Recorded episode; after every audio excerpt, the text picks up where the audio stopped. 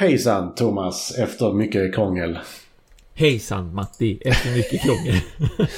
eh, jag fick upp 13 sekunder livesändning och sen bestämde den sig... Ja, nej men sen aldrig igen tydligen. Alltså det är... Som sagt, teknik. Det ska som aldrig funka som man tänker sig. Och speciellt inte podcastande. Jag har haft mycket problem även med andra andra podcasts. Just det här med att man tror att det ska funka för man har gjort en test, men sen bara ha, Va? Jag har glömt allt. Vadå ja. test? Vadå funka? Nej.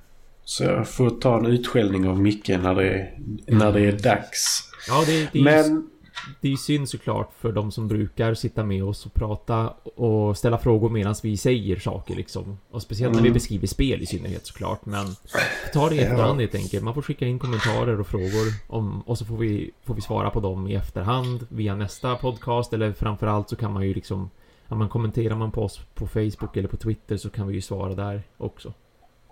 Ja, nej, tyvärr får det bli så här idag. Mm, mm. Men med det sagt, ahoy hoj Matti. Thomas. Sådär, har vi gjort den också? Ja, en lite halvtaskig cold open med klagomål på att jag inte lyckades få streamen att funka efter det att jag fick streamen att funka. Men, men det, det, då, då, då, börjar folk utan att känna sig förvirrade åtminstone. De får direkt svar på tal, de som nu missade att vi faktiskt gick ut med informationen också på Facebook och Twitter och sa det att nej men tyvärr, livestreamen blir inte av för allting strular. Men då, då vet man nu när man ser det här avsnittet och bara What? Det finns ett avsnitt men jag kunde inte höra livestreamen. Ja, då vet man direkt vad det handlar om. Ja, nej, jag, jag vet allt talat inte vad som hände mellan det att jag sände live och testade till det att nej, det... jag skulle sända live. Det är ju bara dumheter. Det är typiska så här, typiskt datordumheter. Ja, eh, men så är det tyvärr. Men vi är här för att prata om nyheter, Kickstarters och vad vi har spelat sen sist. Ja, ja. Och eh, jag har ju inte varit med på ett tag. Nej men precis, det vart ju en paus där förra gången. Och plus då ja. att sommarpausen sa att ja. eh, det var länge sedan. Kul att höra det igen. Ja, nej, men det är alltid kul att prata med dig. Och det, Micke kunde tyvärr inte vara med idag för att han eh, sitter och är arg över att vi inte livesänder just nu skulle jag tro. Mm. Mm. men eh, jag har inte spelat jättemycket nytt om jag ska vara ärlig. Eh, det har varit väldigt mycket annat. Men mm. Jag har spelat eh, Space Corp 2035 till 2022 heter det va? Ja, nej, nej 2025 till 2300. Ja, 2300 är det. Till och med. Eh, med en expansion. Ja, men denna fina expansion som jag nu först i efterhand börjar jag bli sugen på. För att till en början när den, när den utannonserades, då tänkte jag ju så här bara oh, nice, en expansion redan till vad som börjar bli ett av mina favoritspel.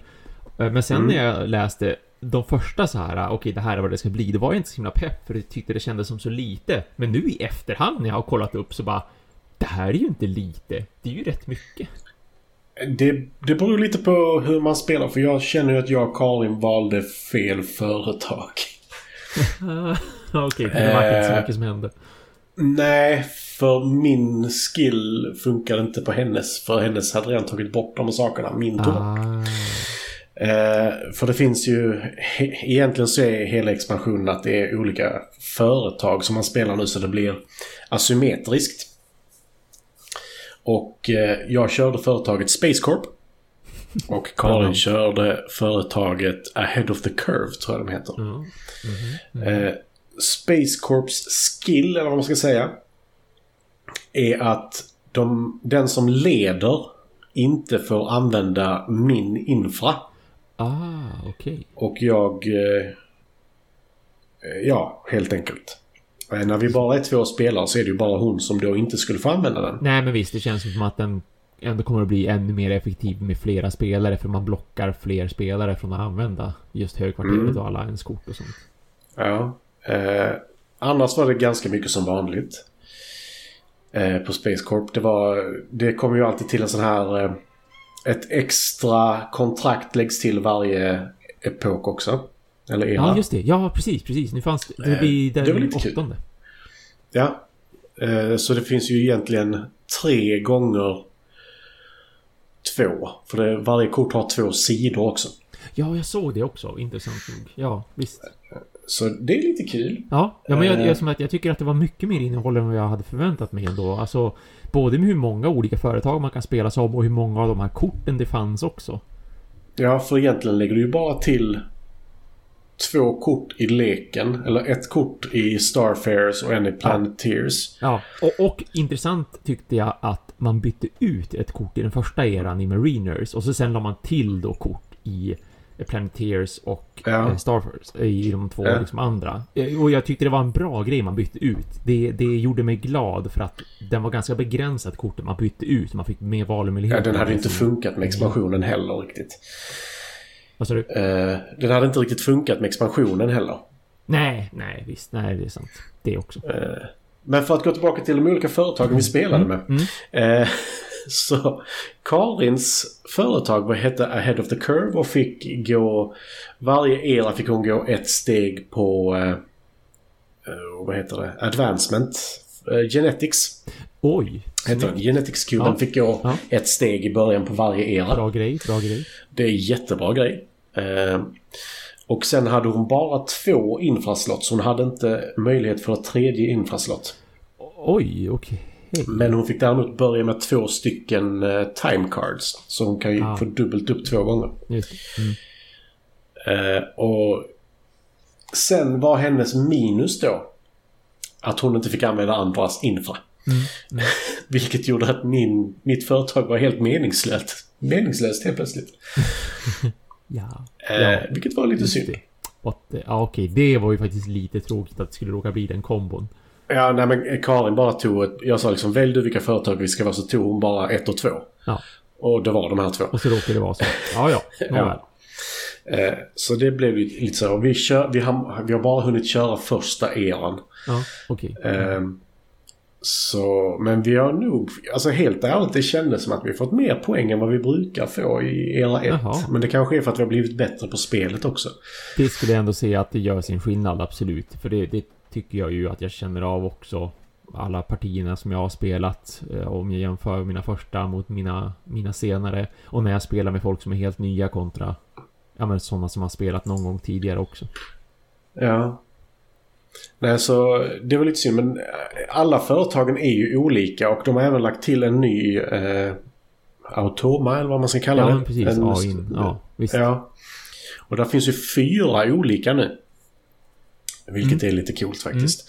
Jag har bara snabbt tittat på dem och de beter sig på olika sätt och det finns ju ett vad ska man kalla det, piratföretag som också finns med som Mm. man kan möta i solo. Ja, jo, det, det vart jag ju extra sugen på också nu när jag fick se hur pass mycket det var för just sololäget. Att det inte bara Mm. var de här äh, förnyade reglerna kring hur AI-spelaren agerar, hur motståndet ska agera när man spelar solo. För det har jag ju redan kört med ända sedan de ja, men utannonserade det och la ut det officiellt att man kunde liksom ladda ner och skriva ut och använda sig av. Det, det skulle vara skönt och nice att få det mer professionellt utskrivet så att säga och kunna byta ut det jag har. Men eh, det, i sig så funkar det ju bra. Det är ju bra, det har jag ju sagt redan tidigare i andra avsnitt också, att jag tycker ju mycket mer om hur AI agerar, hur mycket mer konsekvent och logiskt den har blivit. Men det skulle Ja. också vara kul såklart att testa de här nya företagen eller fraktionerna. Mm. Ja, Jag, som sagt, jag har inte hunnit testa det än men det, det blir väl förhoppningsvis antingen i helgen eller nästa vecka. Mm. Men eh, det kändes ju verkligen som att det, det, jag har ju kört solo i det andra. Jag vann faktiskt över AIn. Det är snyggt. Det är väldigt Men den är, det är ju, jag skulle säga ren tur. Ja, jo. Det är ju tyvärr väldigt mycket var ju förra gången. Just i och med att den agerar som sagt så himla slumpartat, eller gjorde det då. Så Mm. kunde ju hoppa över hela galaxen och liksom gjorde inte de här smarta dragen så att säga. Så har man väl börjat utforska någonstans då vill man ju fortsätta och liksom trycka ut baser där och få försöka samla poäng och sånt där. Men Ja, eh, den för- kunde ju hålla på och utforska lite kors och tvärs över galaxen. Och det kunde ju gynna en. Å andra sidan Ja. kan det ju hända tvärtom också. Alltså som sagt, det går väldigt mycket upp och ner där. Man kan ju lika gärna ha jätteotur och tycka att man har planerat rätt. Men så kommer slumpen och förstör. Mm. Nej men alltså spelstilen blir ju att man blir reaktionär mot det eh, AIn gör. När du kör den vanliga eller Ja. gamla varianten om man nu säger så. För Ja. om de åker till Mars. Chansen att de ska bygga på Mars nästa runda är väldigt låg. Ja, ja, visst, visst. Så då är det nästan bra att bara, ja, men jag sticker till Mars och sen bygger jag där så ja, slipper precis. jag göra precis. en Explorer. Det, det, är just det som är problemet, liksom att det var... Förut var det alltid en det var en ganska stor sannolikhet att så här, man kunde lika gärna chansa. Man behövde liksom mm. inte vara rädd egentligen. Jag var mer rädd över att det skulle hända saker någon annanstans för att sannolikheten var större nästan att det skulle hända någon annanstans än där då på Mars där datorn redan har liksom etablerat sig. Vilket ju vore det logiska att det är där det ska hända. Och nu, är, nu blir det då mer logiskt för nu går den väldigt mycket efter vad har AI redan gjort sedan tidigare? Istället för att mm. bara blint liksom gå på att ja men det här kortet säger att den ska göra så här, då gör den så här. Ja, nej så jag, jag ser fram emot att testa soloreglerna med det mm. faktiskt. Mm. Men som sagt, jag har inte hunnit testa jättemycket än och det jag testade blev ju tyvärr fel. Ja, eh, också. Ja. det blir kul att komma, att du återkommer liksom med mera intryck när det, när det spelas mera jämlikt eller vad vi ska kalla det för, att det blir lite rättvisare där med olika företag och att du bara får komma med, alltså testa på olika företag känns det som att det kommer att bli mm. kul överlag också och få säga någonting. Ja, för det är ju någonting som också finns att det finns ju, jag kommer inte ihåg om man kallar det för final contract eller vad det är, men ja. när du får ditt företag så får du ju också ett litet kort. Mm. Som mm. är dels en liten playrade eh, men också på andra sidan så står det typ the final contract. Att när den, vad är det, den andra kontraktet uppfylls i Starfarers specifikt, mm. sista eran. Så kan du göra ett val med ditt företag. Mm. Eh, och det det är olika för alla men det är vid samma tillfälle du får möjlighet att göra det. Men det är olika för varje företag. Ja, ja. Och det, det är också intressant. Men eh, alla företagen är inte gjorda för eh, alla spelarkombinationer om man säger så heller. På bilder. Det var vissa som bara är solo. Ja, eller inte ja. bara solo utan de har ju alltid en annan sida. Men mm. tre och fyra spelare finns ju specifikt. Men jag tror också att det är för att på andra sidan på dem är ju solo AIn. Ja just det. Ja just så, det. Precis. Så jag tror det är lite Precis. därför också. Så, men i grund och botten så är ju huvudsakligen expansionslådan är ju de här nya företagen. Ja. Ett kort som byts ut, två som läggs till och nya kontrakt. Ja. Eller extra ja. kontrakt. Eh, det är ju huvudsakliga det som ändras. Och mm. Mm. Inte för att vara sån, men spelet... Jag tror att den här asymmetrin är det som gynnas... Eller spelet gynnas mest av. För hade vi bara fått fler kort så hade spelet bara tagit längre tid. Mm. För jo, att jo. En, en era tar ju slut när korthögen tar slut eller jo, sex kontrakt är fullbordade. Ja, ja, precis. Det går som inte bara... I, I det här spelet tycker jag inte att man... Att det gynnas av fler kort. Att det, det är inte så enkelt som att bara lägga till fler kort. Utan då, då, skulle man snarare behöva smyga in ytterligare en era på något vis. Och i sådana fall eh, så har man då valet om man vill spela alla fyra eror. Eller, och att den eran skulle ha sina egna unika kort och så vidare. Men det är ju mer det här de behöver göra. Att de, jag förväntar mig att det skulle bli någon slags modulgrej som skulle lägga till några lite nya spelregler och spelstilar. Eller liksom sätt att spela på. Ja. Nej, för regelböckerna är ju lövtunna, höll jag på att säga. Ja, det är ju bara det är Nej, ett vikt papper. Ja, ja, jag har sett det. Eh, mm. Mm. Men eh, jag, utan att ha spelat det nämnvärt, alltså knappt skulle jag ju säga, bara tittat på det så tycker jag att kanske lite giftig kostnad. Men samtidigt så får du ju större spelarbräden än du hade tidigare. Och ja. varje är annorlunda ja. från ett annat. Jo, det är ju ändå, för det kostar ju typ lite drygt 400, mellan 400 och 450 är det väl typ beroende på vart man får ta på det, vart man köper ifrån. Det kostar 45 dollar om man ska köpa det liksom direkt från GMTs hemsida. Eh, och eh, det är ju ändå 14 stycken dubbelsidiga sådana här högkvartersbräder högkvartersbrädor och de är ju ganska saftiga ändå. Alltså så, den här förpackningen väger för, förvånansvärt mycket. Jag har ju hållit i den i butiken ja. på jobbet. Och den väger förvånansvärt mycket. Men jag förstår ju varför den väger så mycket när det är just de här dubbelsidiga brädorna som gör det. För de väger. Ja. De är stora och ganska tjocka.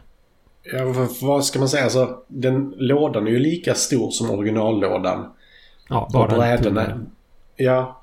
och brädorna är ju så stora. Ja men exakt, exakt. De är riktigt stora. Ja. Mm. Så jag, jag tycker det än så länge prisvärt för ett spel jag vet mm. att jag kommer spela mer. Mm. Mm. Håller med. Så kan jag säga.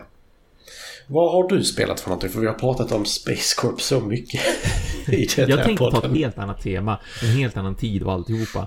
Jag tänkte eh, fördjupa mig lite i det jag nämnde förra gången som var Heart of Darkness, an adventure game of African exploration. Ah, eh, som också gjorts av en, tema. dessutom en krigsspelstillverkare. Ja.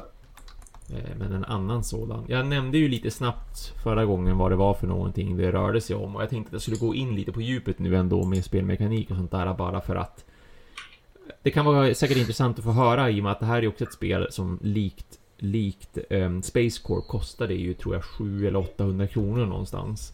Just därför att det, det trycks ju liksom upp i ganska begränsat exemplar eh, antal och det görs ju av en krigsspelstillverkare. Mm. Så bara för att man ska få veta vad det är för någonting, om det är potentiellt värd de pengarna, om det här är någonting man bör kolla upp eller inte. Och... Eh, Visst förresten tappade jag ingen uppkoppling nu för att en katt sprang just där den inte borde sprungit, där det finns kablar. Ah. Hallå? Jag hör dig. Ja men då så, tack, tack, då fortsätter jag. jag var jätteorolig för det vart för tyst i bakgrunden. Nej men då, ja, så, då, har, men... inte, då har inte lilla Hermes lyckats ställa till med någonting bra. Eh, jo, eh, Heart of Darkness är då...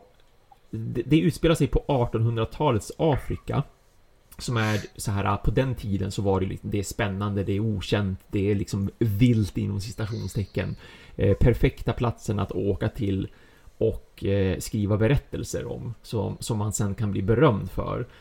Så eh, spelarna utrustar varsitt team för en expedition som betalas av en sponsor och så beger man sig då in i det här så kallade mörkrets hjärta. Och så ska man samla dramapoäng genom att man utforskar den här jättestora spelplanen som är en gigantisk plansch. Och så ska man då göra okay. allsköns upptäckter här i Afrika. Och det viktigaste av allt är att just dina möten och dina händelser, de ska bli de mest dramatiska. Om du så ska bli galen eller dö på kuppen och det i sig kan dessutom ge dramapoäng, vilket jag tycker är jätteroligt. Så att man, man förlorar inte spelet ja. att du då dör med din expeditionsledare eller att expeditionsmedlemmaren med, expeditionsledaren blir galen mitt i alltihopa utan du får faktiskt dramapoäng för det. Sen kan du inte vara med längre men då kommer spelet också att avslutas så att det är inte som att man måste sitta och rulla tummarna. Okej, okay, så det avslutas så fort en spelare dör? Ja, det finns tre stycken vinstkriterier, eller avslutskriterier rättare sagt. Att antingen så är det någon som avlider, eller så blir man galen. Som att det är två stycken olika saker då som kan hända. Att du, du har en mätare för hur mycket liv har du, hur mycket hälsa har du liksom och hur mycket psyke har du. Och mm. man, spelar, man ska spela färdigt den spelrundan fortfarande så att kan, du kan ju fortfarande absolut behöva sitta ett tag. Det beror ju på när under spelrundan blir du avliden eller, eller galen. Mm. Eh, och det tredje vinstkriteriet, det är att man har 50 dramapoäng. Men allt det här checkas liksom i slutet av spelrundan. Det är då man kollar, okej, okay, har någon uppnått A, B eller C? Ja, men då så då avslutar vi i sådana fall och så, och så kollar vi. Eh, man får lite bonuspoäng på slutändan och så kollar man vem som vinner. Okej. Okay. Um, och så att man, man spelar så många spelrundor som krävs, eller om man spelar solo, då är det högst fem spelrundor. För man kan spela en till fem spelare. Mm. Och um, varje spelrunda är då ett antal faser och inom varje fas så kommer spelarna att agera en efter en i en, i en förutbestämd turordning innan man går vidare till nästa fas och så bara fortsätter man då. Det rullar på så här tills de här tre kriterierna blir uppfyllda. Och innan man faktiskt börja spela, spela. Eh, man väljer liksom färg och man får varsitt spelbräde och ditten och datten. Men man får rusta upp ett expeditionsteam då med diverse utrustning som kanske kommer till användning. Det är så här beroende på vad man råkar ut för där ute i Afrika, vilken typ terräng man kommer till och sådär. Så man får som en pott med pengar och så kan man köpa så här eh, bärare som ska bära gåvor och mat. Man kan köpa mat. Man kan köpa ett gevär för att det kan vara bra att ha om du ska jaga ute i Afrika. Ehm, du kan köpa diverse örter och mediciner och sånt som kan vara bra att ha. Du kan köpa machete ifall du är i en djungel. Så att, ja, men alla spelare spenderar sina pengar som man själv tycker att det, att det känns vettigt och sådär. Sen väljer man då varsin sponsor. Ehm, sponsorerna kommer att kunna påverka antalet dramapoäng som man får ut av olika upptäckter. Varje sponsor är unik, bara en spelare kan välja till exempel politiken och då har politiken någon slags perk då som gör att om det här händer under ditt uppdrag, under ditt äventyr, då får du extra dramapoäng vid de tillfällena. Mm. Och sen då sista man gör det är att man väljer en av de olika hamnarna som ligger längs med Afrikas kust där man liksom vill gå i land där du då utgår ifrån med din expedition och det kan flera spelare välja. Eh, man, man kan starta på samma ställe, du kan välja samma hamn. Eh, sen då är det så att varje spelrunda börjar med att man bestämmer först och främst turordningen. Det är enligt spelarnas ställning i dramapoäng i fallande ordning så att de som ligger efter ska ha en liten fördel. De får börja tidigare än de som har mycket dramapoäng. Och eh, finns det lika någonstans då bara rullar man en tärning och sånt där. Därefter så behöver varje spelares team med expeditionsmedlemmar förses med mat. För att de inte ska lämna expeditionen. Så all mat som man har börjat med, som sagt, man får ju köpa hur mycket mat man vill ha, det är en del av den här utrustningsgrejen där i början. Eh, man, man tar sitt antal bärare och sitt antal typ, vad ska vi kalla dem för, jägare. Och så sedan kommer de behöva äta si så mycket. Kan man inte mata dem, då blir de ledsna. Blir de för ledsna, då gör de uppror och så sticker de helt enkelt. Så sticker de, då betyder det helt enkelt att du kan inte bära lika mycket grejer som du vill bära kanske och du kanske är sämre i strid. Om det då skulle bli en strid någon gång under spelets gång. Mm. Och sen då så ska man även kolla ens mentala och psykiska hälsa, den, kan, den kommer att kunna påverkas i början av varje spelrunda. Alltså beroende på vilken plats du har i turordningen. Då rullar man i sådana fall en tärning som avgör tappar du hälsa, tappar du psyke och kommer man som sagt någon gång ner till noll då innebär det att man antingen dör eller blir galen.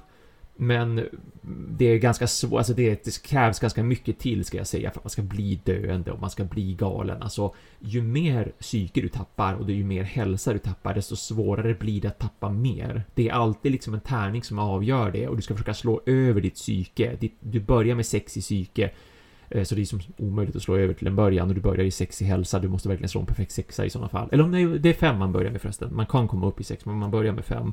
Så att ligger du på ett i psyke Ja, då måste du alltså slå en etta i sådana fall för att du ska kunna bli galen. Eller ligger du på ett i hälsa, ja då måste du slå en etta för att du ska kunna dö av det. Men sen finns det ju saker som kan hända såklart medan man är ute i djungeln eller ute i Afrika som gör att du tappar hälsa eller gör att du tappar psyke. Det är ju mera där det är farligt såklart. Det är ju där grejerna händer. Men man kan mm. fortfarande också återhämta hälsa. Du kan återhämta din mentala hälsa genom att liksom ja, ta mediciner eller dricka sprit och sådana saker. Sånt där normalt som man brukar göra. Mm. Som i Lovecraft också.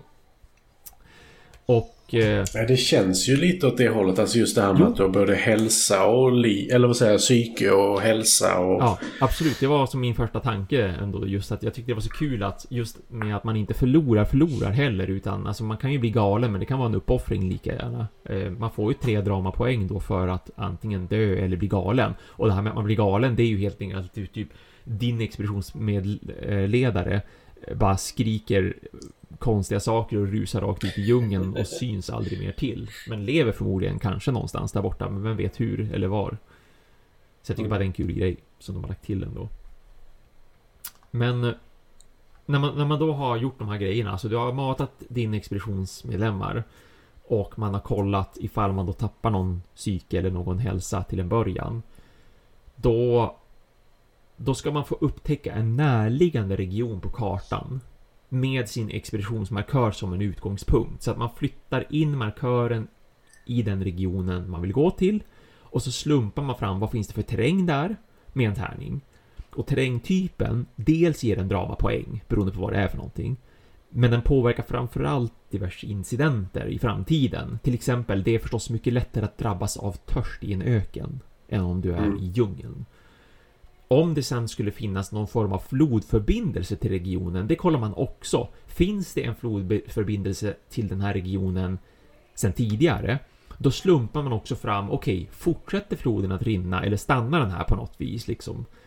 Eh, och det i sig kan potentiellt också ge dramapoäng. Det beror på vad det är för flodbricka man drar fram. Typ ett vattenfall, ja, det är ju en jättevacker, supercool eh, upplevelse. Det är klart du kan få ditt dramapoäng för det, det kan du ju berätta om.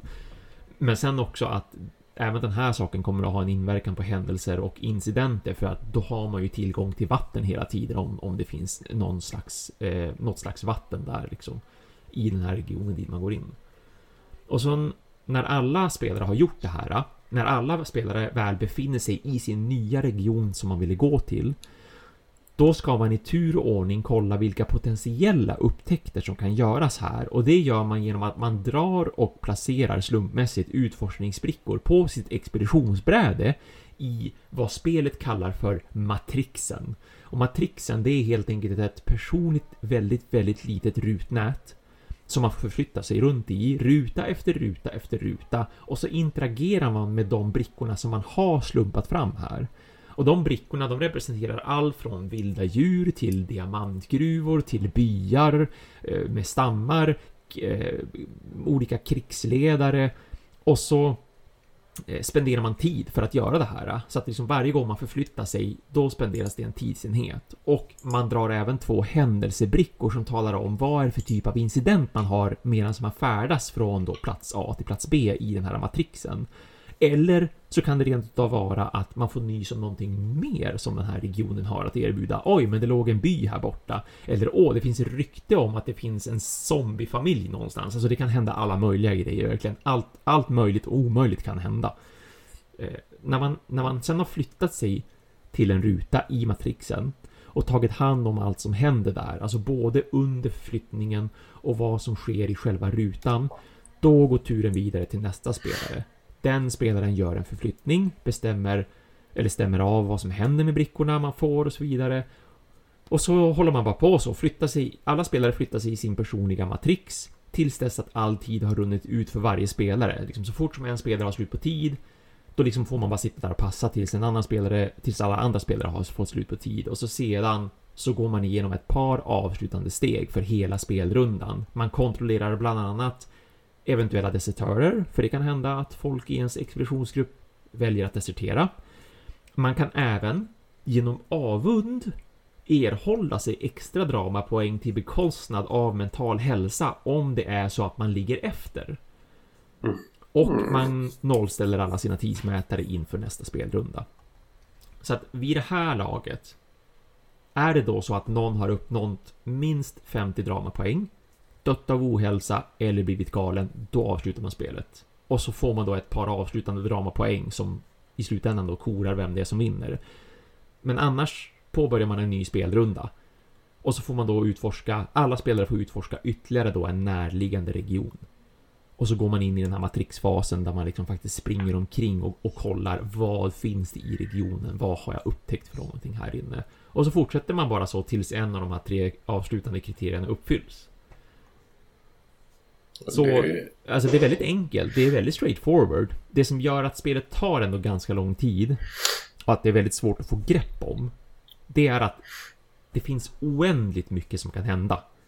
Det är väldigt mycket kolla i tabeller och du vet kors, vad heter det? När man korsjämför grejer liksom att om du upptäcker vilda djur Står du då på ett sånt här ställe eller ett sånt här ställe eller ett sånt här ställe för att allt det påverkar eller om du råkar ut för törst Befinner du dig på en sån här plats eller en sån här plats eller en sån här plats Har du tidigare gjort det här?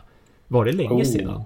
Mm. Alltså man, man, man korsreferens, man har referenser och, och korsrefererar Och så ska man liksom hela tiden verkligen behöva bläddra i regelboken och kolla på sådana här små cheat sheets som följer med för att försöka förstå ja. vad exakt är det som händer och hur ska jag hantera det och vad blir resultatet av det som just hände. Det drar ut ganska mycket på tiden ska jag säga. Det är typ omöjligt att lära sig känns det som.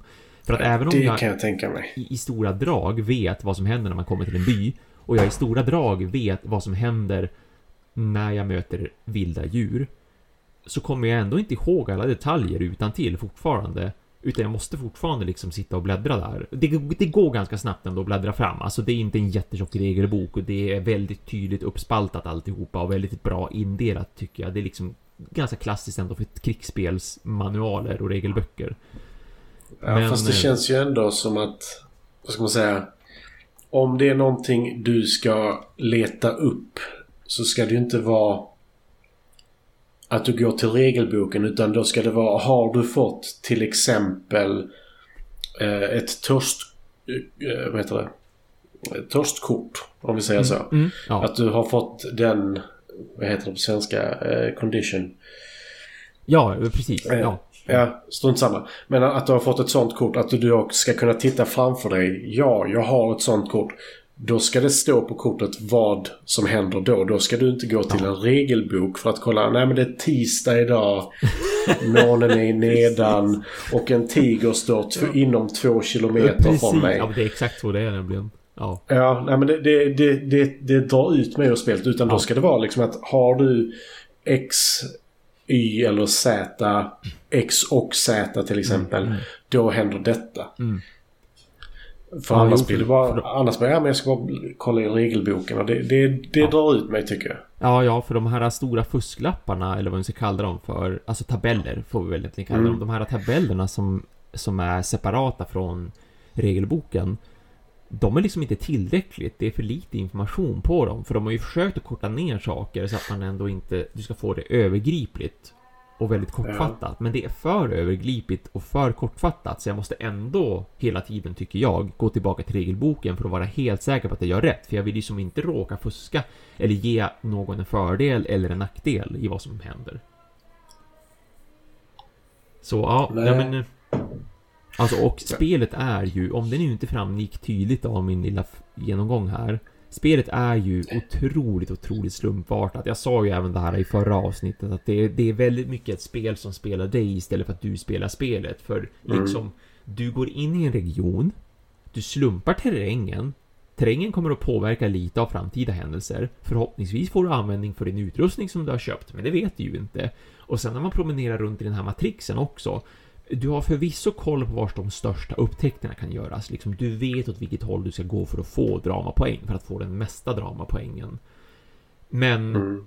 fortfarande, det, det, det, är mycket som kan hända däremellan. Liksom. Vad som helst kan dyka upp mellan dig och de här upptäckterna som du vet var de finns för någonting i form av de här brickorna man drar som utgör incidenter så som att du, ja men nu vart det malaria råkar ni ut för eller nu vart det törst eller oj ett åskväder kom och spolade bort all er mat och så vidare. Så att man drar brickor, man rullar en tärning och man hoppas liksom hela tiden på att det bästa ska hända och att man ska lyckas komma över fler upptäckter och positiva händelser än vad ens motspelare gör. Mm.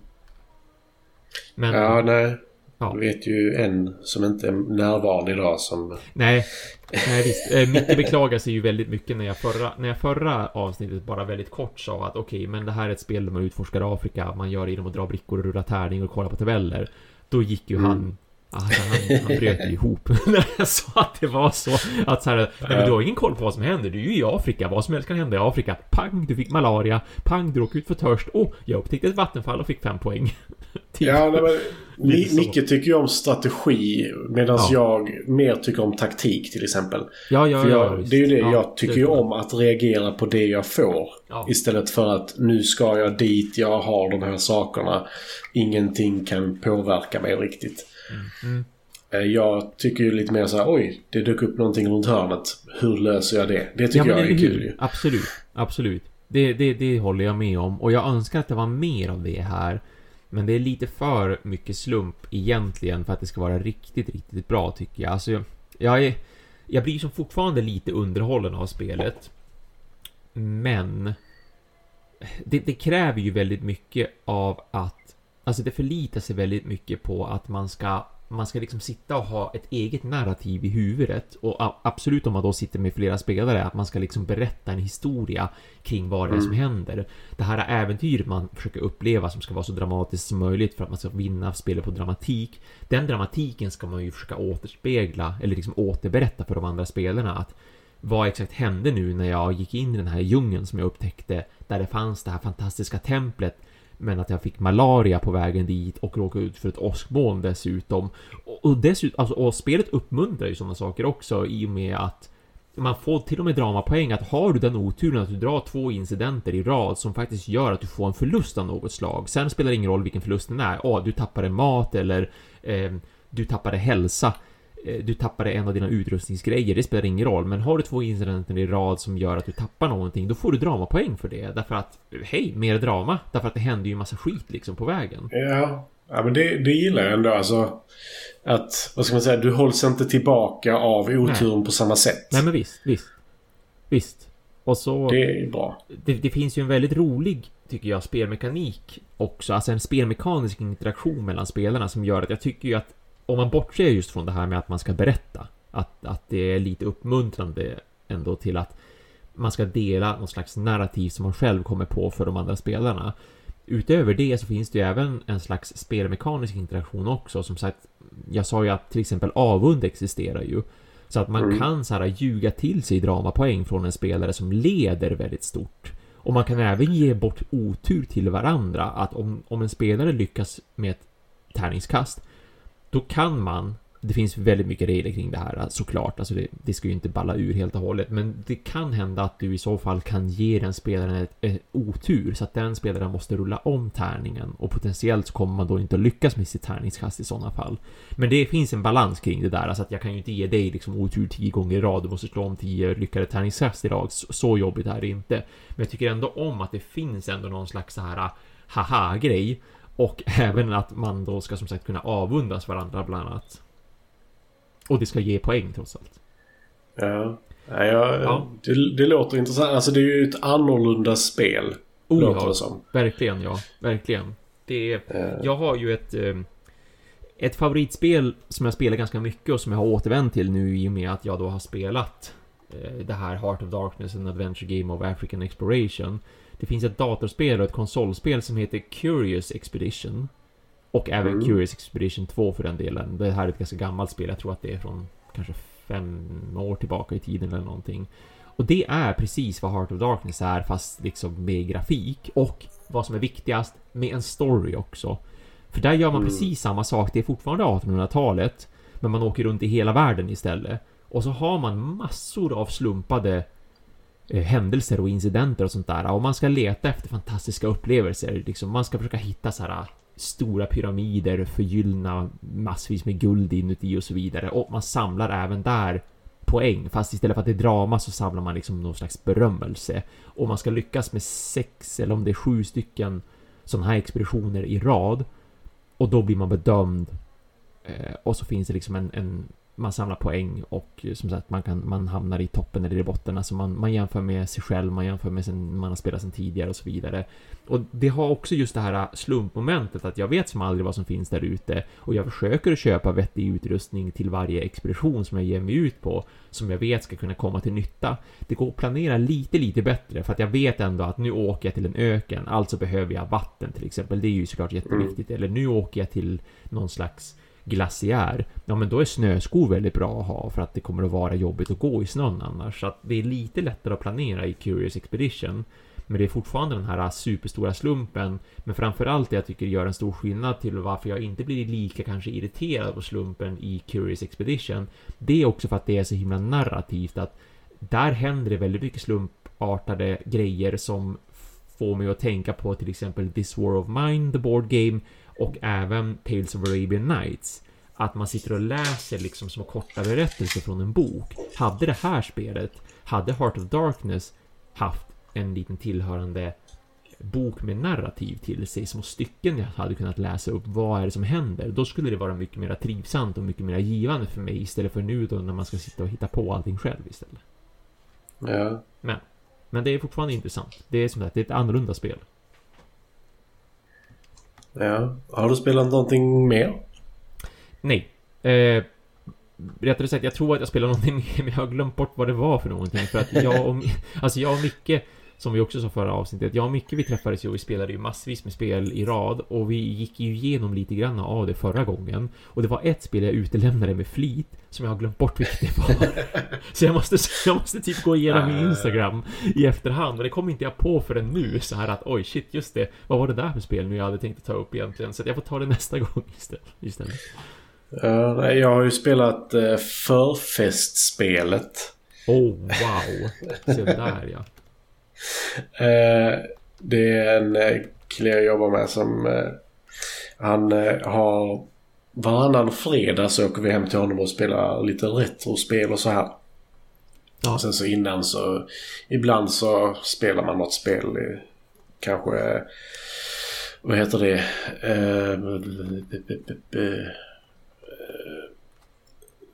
Bossmonster heter det. Ja, just det. Ja, ja, ja. Det har vi kört någon gång och mm. Mm. nu så tog han fram förfestspelet. Ja, ja. Eh, tror inte det speltestades. Om jag ska vara ärlig. um, jag kan ju säga att det företag som har gjort dem, vad jag vet så finns inte de längre och spelet finns inte i tryck längre. Så att det kanske finns en anledning till det då. Ja, nej alltså jag, jag kan formulera som så här. Jag vann med hästlängder. Mm. Men det har ingenting med skicklighet att göra. Nej, nej jag kan förstå det. Ja, men jag, alltså det heter ju förfestspelet dessutom. Vad, vad, man förväntar sig ju en viss grej bara man hör det. Ja, nej, men alltså, visst där är frågor med också liksom från vilket... Jaha, så, ja men så här, vilket... Eh, eh, eller vad, vad heter öl på de här språken till exempel? Ah, ja. Ja, eller eh, vilka länder kommer följande ölsorter ifrån? Eller hur många öl drack? Det är väldigt mycket ölrelaterat kan jag säga. Eh, och sen ska man snurra på ett hjul och dricka lite då och då. Ja, just det. Jo, det, jag, det förstår jag. Eh, och min ljuva ungdom gjorde att jag vann. eh, mm. där, där man kunde dricka. Vi eh, tog dock bort strippbitarna för vi var, vi var tre killar och det kändes lite skumt. Oh, ja, jag förstår det. Ja, mm. Just det. Eh, men, men eh, annars har alltså, vi, vi har inte hunnit. Jag har köpt ett spel som jag... Ett solospel faktiskt. Jaha. Mm. Som jag så här. Jag plockade fram det. Och sen hände det grejer. Så jag kommer aldrig till att spela det.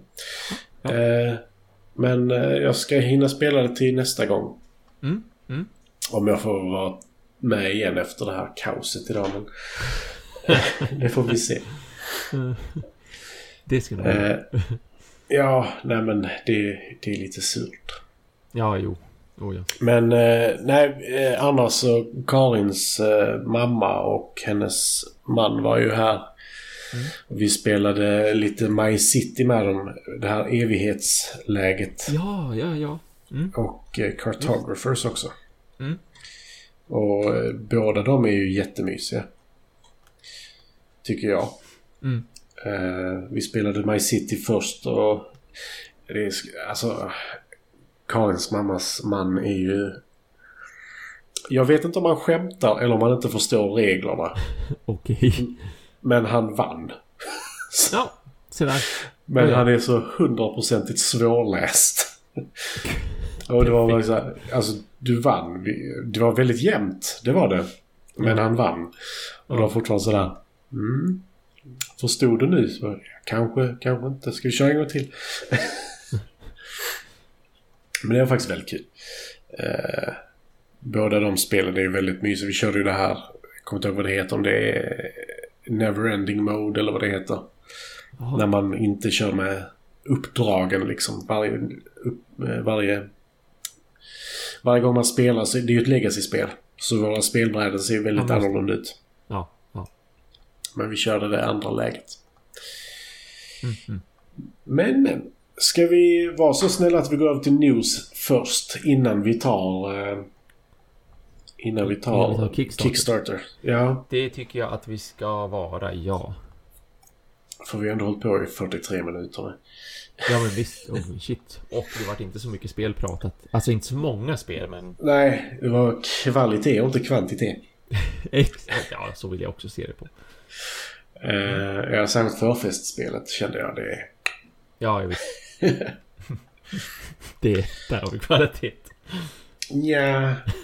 Men egentligen, den enda nyheten jag hade var egentligen den du också hade. Ska, ja, Ska vi dela lite på det? Eller ja, ja absolut. Det tycker jag. För det har ju varit Gencon. Mm, mm. Eh, och där hände ju en del. Men jag har rätt dålig koll, ärligt talat, på vad som hände där. Mm. Eh, förvånansvärt många masker sa de. de blev positivt överraskade. eh, vilket är bra, i och för sig. Ja, ja. ja. Eh, men innan Gencon, vad var det? Två dagar innan tror jag. Så höll Fantasy Flight Games sin... Vad är det de kallar det? In review? Nej? Ja men någonting... Jag kommer bara... Någonting stream. Eh, jag kommer Ja. inte alls ihåg vad de, vad de kallade det för. In-flight, så var det. In-flight är det. Eh, där de då släppte lite grejer och jag tänkte jag snor en av dem som du inte nämnde. Ja. Eh, och det är den minsta nyheten som var deras mic drop av någon outgrundlig anledning. Eller hur? What the fuck? Eh, för det var en sån inte-nyhet egentligen. Mm. Och det är att Star Wars Outer Rim ska få en expansion. Vilket de gick ut med för två år sedan. Eller ett och ett halvt är det väl nu. Eh, nu har de gett den ett namn men de sa ingenting mer om den. Bästa den heter- namnet också. Ja, Unfinished Business heter det. S- Ska det vara någon peak här? Att det är Ja. unfinished business? Ja, alltså, jag, ärligt talat.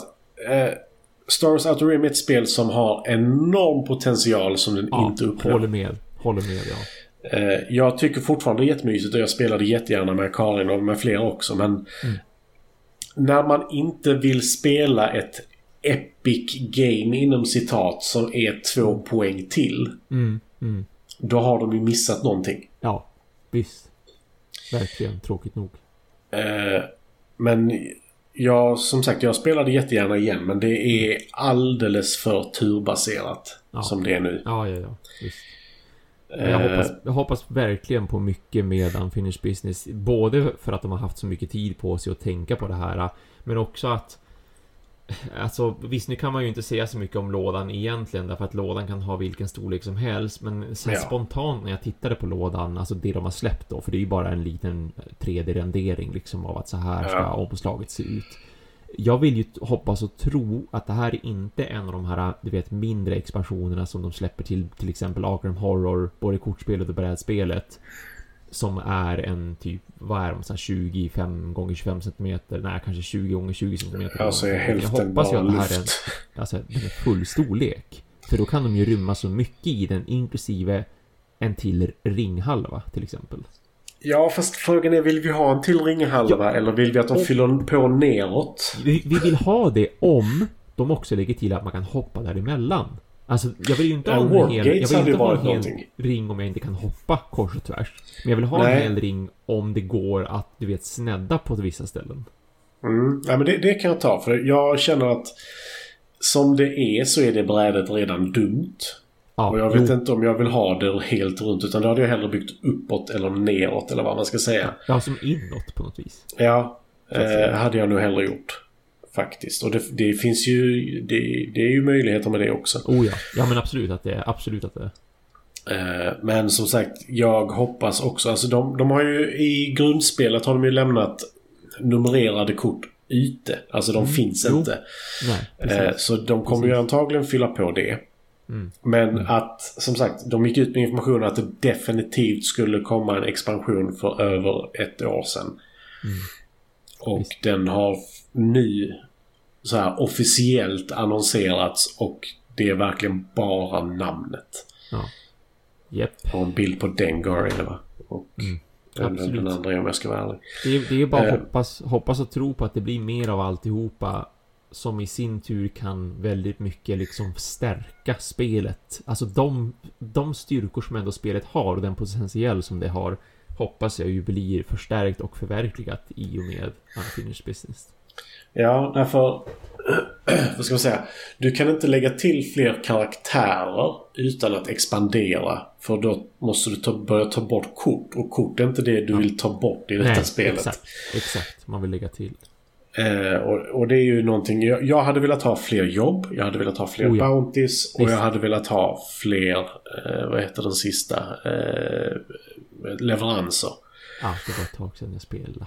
Ja. Nej, men alltså jag hade velat ha mer av det för att även på två spelare så du kommer troligtvis se i alla fall det första kortet två gånger i varje hög.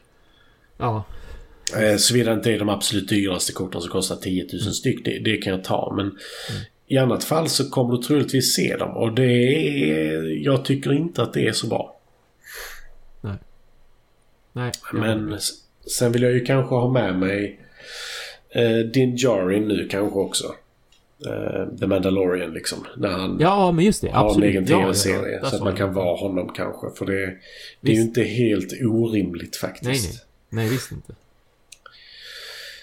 Eh, Så vi får ju Ja. se vad de, vad de kommer med. Men de, som sagt, det var ju väldigt mycket inte-nyhet som var en Nej. mic drop för dem. Mm, mm. Det sista de Och- säger bara, jo förresten, unfinished business. Ja, och jag kan väl ta liksom att... Det, det är väl en mic drop på ett sätt för deras andra mic drop var att de skulle lägga ner så en eh, produkt. så eh, Jag kan väl ta det. Ja, jo, den sorgliga. Eller lägga ner två egentligen blir det faktiskt. För om vi ska gå vidare där. Eh, de lägger ju ner... Det kommer ju en expansion till till Journeys in Middle Earth. Det, det visste vi ju redan. Mm. Mm. Men att det också blir den sista, eh, alltså, vad ska man säga, lådexpansionen ska vi väl formulera det som. Mm. Eh, som kommer ut till spelet. Sen så finns det ju som sagt, det, det är ju till stor del appstyrt vilket gör att du kan göra digitala eh, nya uppdrag. Ja. Så det, det har de inte sagt någonting om. Men nästa expansion ska vara den sista. Och det är ju den här Rohan-expansionen. Mm. Och det är ju lite synd. Ja. Och nu har jag tagit hälften av dina nyheter. Men det är helt okej. Det är bra att vi delar på dem. Så behöver vi inte... Då fick jag vila rösten också efter allt prat om eh, Heart of Darkness. För det vart mycket. Ja. Eh, ja, nej, men det var... Det är ju... Det andra tråkiga då, som det som de ska sluta med, det är ju Star Wars Armada. Det här lilla, eller ganska stora snarare, storskaliga eh, krigsfigurspelet som de har haft i många, många, många år ju nu. Eh, som, som, som jag fattar så blev ju inte riktigt lika stort som X-Wing, deras X-Wing Miniatures Game har varit. Men samtidigt ändå, det hade, en, det hade absolut sin användarbas och det har varit populärt även här i Umeå. Även om X-Wing har alltid varit lite populärare, men det beror ju också på att det är så stor skillnad mellan dem. Och det var det jag tyckte var kul också att X-Wing var de här dogfightsen. Mera liksom ett mot ett skepp eller kanske ett mot tre eller tre mot tre men liksom att man höll det väldigt litet. Medan Star Wars Armada var det här stora episka mera mera taktiska där man Ja. har stora flottor mot varandra och, och båda spelen var väldigt olika båda spelen hade väldigt bra system och funkade verkligen och var roliga att spela så att det, är- det är tråkigt att de nu har sagt då att det inte kommer några nya releaser till Star Wars Armada. I synnerhet tråkigt eftersom det känns som att det bara var, det var liksom bara så här Ja men ett eller två år sedan som de släppte ändå en ganska stor expansion till spelet. Alltså en sån här lite mera lyxigare expansion som skulle ge lite kampanjtänk och lite långsikt så här att spela flera matcher efter varandra som påverkade varandra och så. Mm. Ja, nej, det, det, jag har faktiskt inte spelat Armada men det kändes ju som att både X-Wing och Legion, eller Legion har väl framförallt vuxit om det. Ja, Vad jag har förstått. Mm. Eh, och då känns det väl som att det, det finns ju inte så många nya stora skepp inom Nej, nej som visst. är canon ska jag väl tillägga. Ja. eh, I Star Wars som det är nu. Mm. Om du inte lägger till en helt ny klass, vilket skulle vara First Order. För jag tror inte de är... Det är väl bara rebellerna mot Imperiet Jo, det, i Armada, va? Det är precis. Det är till skillnad från... eh, Till skillnad från där... Jag tror att de fick någon liten explosion nu i slutet. Alltså Star Wars Armada. Det senaste... Det senaste de fick. Eller om det är det de ska få. Men jag har för mig att det har släppts redan idag. Det senaste de fick vill jag bestämt minnas var just någonting från liksom den, den senaste eran så att säga. Alltså episod Mm. 7, 8 och 9. Men, för där är ju inte jättemycket kul det- egentligen. Det är inte mycket, nej precis. Alltså X-Wing har de ju lite lättare för att expandera just därför att det är små skepp det rör sig om. Men det funkar inte att stoppa in små skepp på samma vis i Armada såklart. De finns ju där och de gör ju sitt. De är ju mycket bra för support och sådär. Men det mm. handlar ju fortfarande om de stora kryssarna liksom. Det är ju de stora skeppen som ska slåss mot varandra. Och där, mm. som sagt, de, de kommer ju bara så långt. Det är ju lite det problemet ändå med Star Wars Legion, det får man säga. Så åtminstone om man spelar den klassiska eran. Där har de som gjort det de kan göra egentligen mer eller mindre. Det beror på hur de väljer att göra skulle jag säga. De, de, har ju, de har ju mer att göra med Clone Wars och det är förståeligt därför att Clone Wars är ju dessutom en era när det är krig så det finns mycket att ta mm. ifrån. Det finns väldigt mycket material som visar olika typer av enheter, både markfordon, luftburna fordon och då trupper. Så att här finns ja. det ju liksom en uppsjö att använda sig av. Och så att det är ja. tur ändå för Star Wars Legion att de faktiskt gick den vägen också. Men sen kan de ju också med lite mer frihet skapa till exempel någon slags pansarvagn eller något transportfordon eller vad det nu är för någonting. Och då slita in en, en karaktär från någon tv-serie som får vara då en commander eller någonting. Men det är mm. som att det är svårt för dem att göra det i Armada och lite lättare i X-Wing. Ja, alltså i och med att fokuset på alltså, stora skeppsstrider finns ju inte i Star Wars Nej. riktigt. Nej, precis. Men Nej. jag tycker ju att de har gjort det jävligt bra i Legion faktiskt. När de har valt att liksom... Eh, de gjorde Rogue One. Ja. Då, nu finns ju eh, K2SO. Ja. Eh, Cassian, vet han? Cassian Andor och Jyn ja, Erso är ju allihopa operatives. Ja. ja jag tror till och med att Cassian är en... Är inte han en general också? Ja, han är en commander. Yes. Ja, commander. Mm. Eh, så det, det, är ju... Det finns ju en möjlighet att expandera det. Och ja, det är därför... Och i X-Wing så finns det ju Epic Mode också där de stora skeppen faktiskt är med. Ja. Ja, och då förstår jag att det blir svårt att motivera Armada till att fortsätta existera mm. när det är den minsta av X-Wing och Armada. Ja. När du då lägger till Epic. Visst. Men eh, jag fick ju äntligen ta på en YT 2400 Light Cruiser. Jag är så nöjd. Och några A-Wings också. Så Just jag, det, jag, det har varit, varit svårt mm. att få tag på. Ja. Så det, eller ja, det är generellt varit svårt att få tag på saker från Fantasy Flight Games överlag. Men i synnerhet mm. kanske deras figurspel. Mm. Och så fick jag tag på en ATSD också. Jag är så nöjd. Ah, uh, snyggt ja. Men det, som sagt, i Legion har de lagt till det och de har lagt till, uh, vad heter de? Uh, Short Troopers och Death Troopers från uh, ja. Rogue ja, One också. Så de lägger ju till saker från mm. Filmerna som kommer nu också. Som mm. utspelar sig under den eran. Ja, ja. Och även eh, från tv-serien Rebels har ju också fått med massa karaktärer. Ja, ja. Och... Visst, visst. Jo, så... det, de har som att de har ju lite lättare för att expandera Legion på det viset. Därför att en karaktär är alltid en ny karaktär eller en, en trupp är alltid en ny trupp liksom. Mm. Det är ju Nej, så jag tycker det. Ja, så jag, jag, jag... Tyvärr förstår jag ju att det är Armada man lägger ner. Ja, eh, rent så. Ja. För som sagt, du kan ju lägga till First Order-skeppen. Du kan lägga till...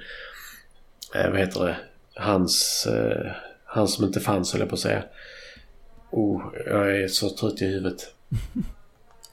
Han som man trodde var Kylo Rens Sith Lord, men det var det ju inte. Och vad heter han? Eh, ja, ehm... Ehm... Spelades av Gollum. Eller röstsattes av honom i alla fall. Strunt samma. Ja. Men hans flaggskepp hade man kunnat ta. Du hade kunnat ta de ja. nya eh, Star Destroyers som är med i sista filmen. Du hade kunnat, alltså, mm. Mm. Ja, du hade kunnat göra allt detta. Men det är inte fokuset. Det är inte där de klassiska skeppen kommer in längre.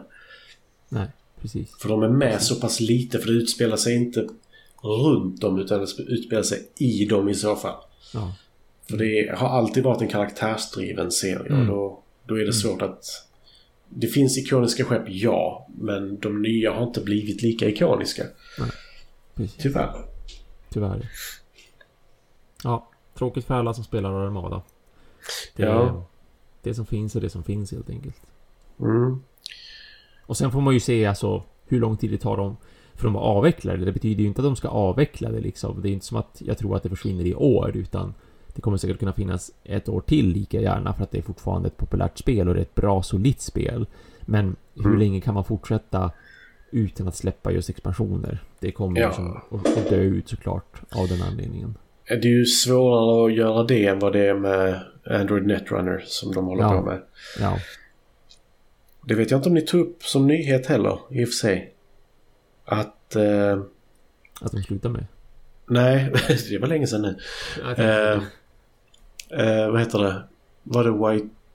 Var det, var det Fantasy Flight som köpte licensen igen? Till Netrunner. ja. Eh, jag kommer inte ihåg om det var dem eller White Wizard Game. Eller Wizards of the Coast. Um, någon av dem köpte licensen igen i alla fall. Okej, för Netrunner minsann. Ja, eh, vilket då skapar problem för Netrunner är ett av de spelen som har fortsatt att leva. Eh, utan, eh, vilket kommer att bli jättesvårt att armada. Eh, Men utanför eh, stora företag, om man säger så. Ja. Det finns ju... Jag har ju personligen köpt lite av de nya korten. Om jag ska vara helt ärlig. Ja. Mm. Eh, för det är ett av mina absoluta favoritkortspel. Eh, Det förstår jag. Det är ett väldigt bra kortspel. Väldigt Mm. intressant och häftig spelmekanik och känsla. Ja, så det, det har jag köpt lite nya kort av. Eh, Så det ska bli intressant att se vad som händer där. Eh, Mm. För det, det är nyligen köpt liksom. Hade du något mer eh, nyhetsväg? Ja, på tal om kortspel. Om vi fortsätter att beta av Fantasy Flight Games. Ehm, som vi ju sa så skulle man ju paketera om Arkham Horrors eh, kortspelet. Mm. Och eh, nu har de ju inte helt oväntat gått ut och sagt att de då ska göra de, ska, de kommer ju göra om expansioner som har varit liksom. För att de sa ju dels att de skulle släppa ett nytt core set med Arkham Horror-kortspelet. Och att nästa cykel så att säga skulle komma i två stycken stora expansioner. De skulle inte längre ha det här tänket med att det kommer en deluxe-expansion som innehåller två scenarier och en massa nya kort för, för de här utredarna för att bygga en kortlek liksom. Och att man sen släpper en massa små paket. Utan att nu skulle man ha två stycken deluxe-expansioner. Den ena deluxe-expansionen innehåller allt story du behöver. Du behöver inte köpa en massa små paket utan du får hela, ett helt nytt scenario. Och det är komplett liksom. Och att de även då kommer att släppa någon slags så här spelarexpansion. Så att om man bara vill ha nya spelarkort för att bygga en ny kortlek med, då köper man den expansionen. Och så att sluta, sluta tänka på det här med att ha flera små paket som blisters och istället köra på stora lådor. Och nu Mm. kommer man att göra samma sak med Dunwich Legacy. Att man kommer att gå tillbaka i tiden då och släppa om Dunwich Legacy-cykeln. Så att den också då finns tillgänglig i två stycken stora förpackningar istället. Det är den En enda cykeln jag har full. Vad sa du? Det är den enda cykeln jag har full. Ja, jo, samma, samma här också ja. Så det känns ju bra att då behöver vi bara vänta in att allt det här ska hända med allting. Så att man kan bara köpa, Mm.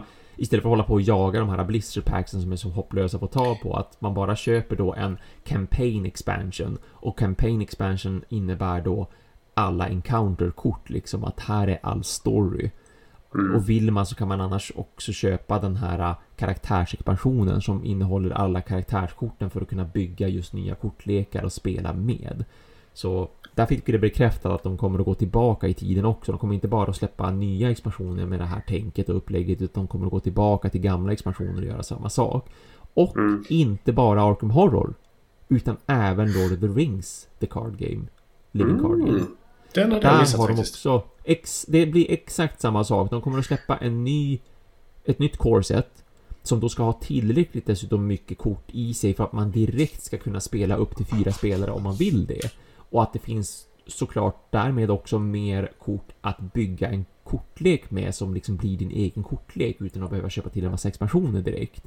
Och att de då även kommer att släppa så att det finns en player expansion som innehåller alla spelarkort och det finns en campaign expansion som innehåller liksom själva storyn. Så att återigen, samma grej som med Arkham Horror kommer alltså Lord of the Rings eh, Living Card Game att få. Mm.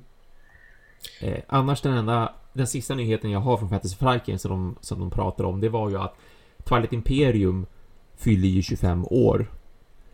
Ja, den nästa var konstig också.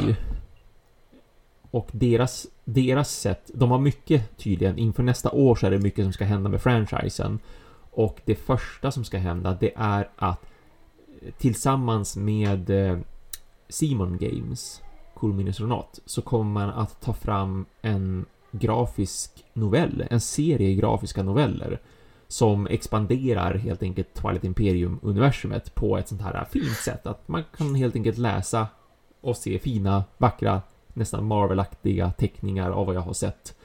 Mm. Ehm, och det förstår jag också därför att de kommer att skrivas och även ritas eller illustreras av några av de största namnen när det kommer till just serietidningar, inklusive då Ron Mars som ligger bakom Silver Surfer och Witchblade och Andy Lanning som ligger bakom Guardians of the Galaxy samt Annihilation. Så att jag förstår ju att det ser ut som det gör och det finns ju några sådana här små bilder man kan titta på redan nu på Fantasy Fractals hemsida eh, gällande den här annonseringen, utannonseringen, så att man får en liten en försmak av vad som komma skall.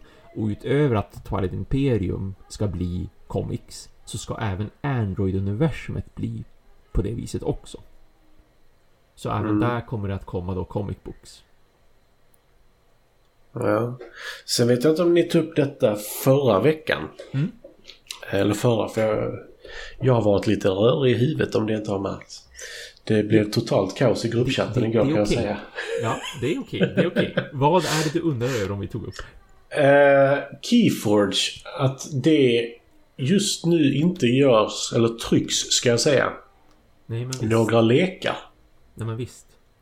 Eh, tog ni upp det? Nej, det gjorde vi inte. Jag tror att vi missade antingen om det kom samma dag som vi skulle spela in eller att det, vi bara hade missat att det just hade utannonserats eller något sånt där. Ja. Nej, för jag har för mig att jag inte hörde det men Nej, visst. Nej, visst. eh, algoritmen är för tillfället trasig. eh, den här algoritmen som gör de här unika lekarna har helt enkelt bara så här gett upp för tillfället. Mm. Eh, och gör jättekonstiga lekar. Så de har helt enkelt valt att... Ja, nej men det, det är ju jättekonstigt system i vilket fall. Men, Jo. eh, Ja. den har... Eh, de har helt enkelt valt att inte göra några nya lekar innan man löst det. Eh, vilket är intressant för de just nu håller på att göra den digitala versionen också. Ja, ja, Eh, så de ligger lite i en eh, lite jobbig sits. helt klart. Eh, men det är Jag har spelat det och föll inte riktigt för det om jag ska vara ärlig. Mm. Eh, men så, är- så är det ju bara. Eh, Mm. Och det är ju synd när någonting sånt här händer. Det är en jättekul idé. Ja, Men- absolut. Ja. Mm. Och de har ju fortfarande sålt oändliga summor, eller på att säga. För oändliga summor. ja, ja. Visst. Eh, Men det var en sån liten nyhet som är väl inte en jättenyhet egentligen men ändå var intressant tyckte jag. Mm, mm. Eh, Och sen var det nog slut va? Sen, ja, precis. Jag vet att jag egentligen borde ha en eller två nya... En, en eller två andra nyheter också. Men eh, tyvärr så har jag ju varit dålig och bara tänkt att åh, det där måste jag skriva ner. Och så har jag inte skrivit ner det trots allt. För jag vet att jag har fått saker på mailen. Och jag har för mig att någonting var från Pandasaurus Game till exempel. Att om det var någon ny lansering av något spel eller sådär. Men nej, tyvärr. Jag, jag har tappat de nyheterna. Så jag får ta dem nästa Ja. gång om jag kommer på vad det är. Ja, nej, det- det kommer en ny expansion till Dominion kan vi ju säga. Oj, det där, det har Ja. inte koll. Som heter Allies. Ooh, coolt namn. Ja, men jag läste faktiskt inte på så mycket om det utan jag bara såg det snabbt. Mm, Eh, så jag har inte så bra koll på det men jag tyckte det var kul att det, det är liksom inte det nyaste spelet.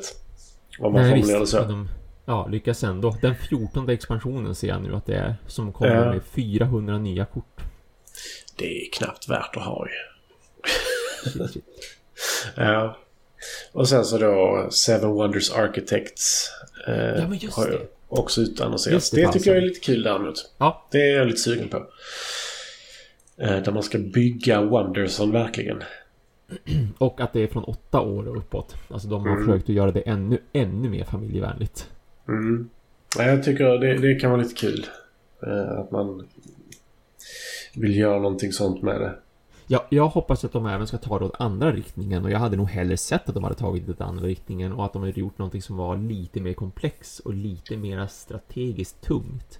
För det är ju ändå ett bra namn att jobba med och de kan absolut bygga vidare på sitt koncept. Det har de ju ändå visat med i Seven Wonders Duel. Liksom, det är ju Seven Wonders men det är ändå inte Seven Wonders. Så jag hade gärna sett att de hade gått ännu steget längre med hela den biten och hoppas att de gör det någon gång i framtiden.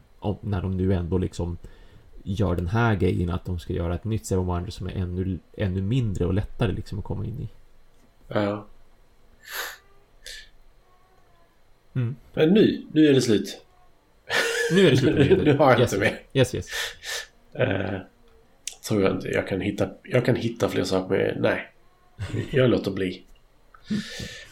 Jag tittar på massa saker. Från... Kickstarters istället. Ja, när jag börjar fastna på massa bilder från nya Munchkin. Ja. Men det nämner vi inte. uh, hur många Kickstarters har du? En eller två. Jag håller på att fundera på om jag ska ta den andra eller om jag bara ska ta den första rent utav. Men, men två stycken säger vi. Jag, jag har två eller tre. Eller tre har jag nog egentligen. Vi får se om vi har samma någonstans då. Ja, ska jag börja? Ja, men det kan du få göra. One Deck Galaxy. Ja, Har jag tagit just upp. det. Från One Deck Dungeon-skaparna. Mm. Ja, det, det är inte jättestor skillnad. eh, om jag ska vara ärlig. Vad jag kan se. Det, det är mer att eh, de låga tärningarna fyller också en funktion nu. Aha. Så kan man formulera det. Eh, om, man, om man inte spelat One Deck Dungeon så är det ett spel där man går ner i en helt enkelt en krypta eller en grotta.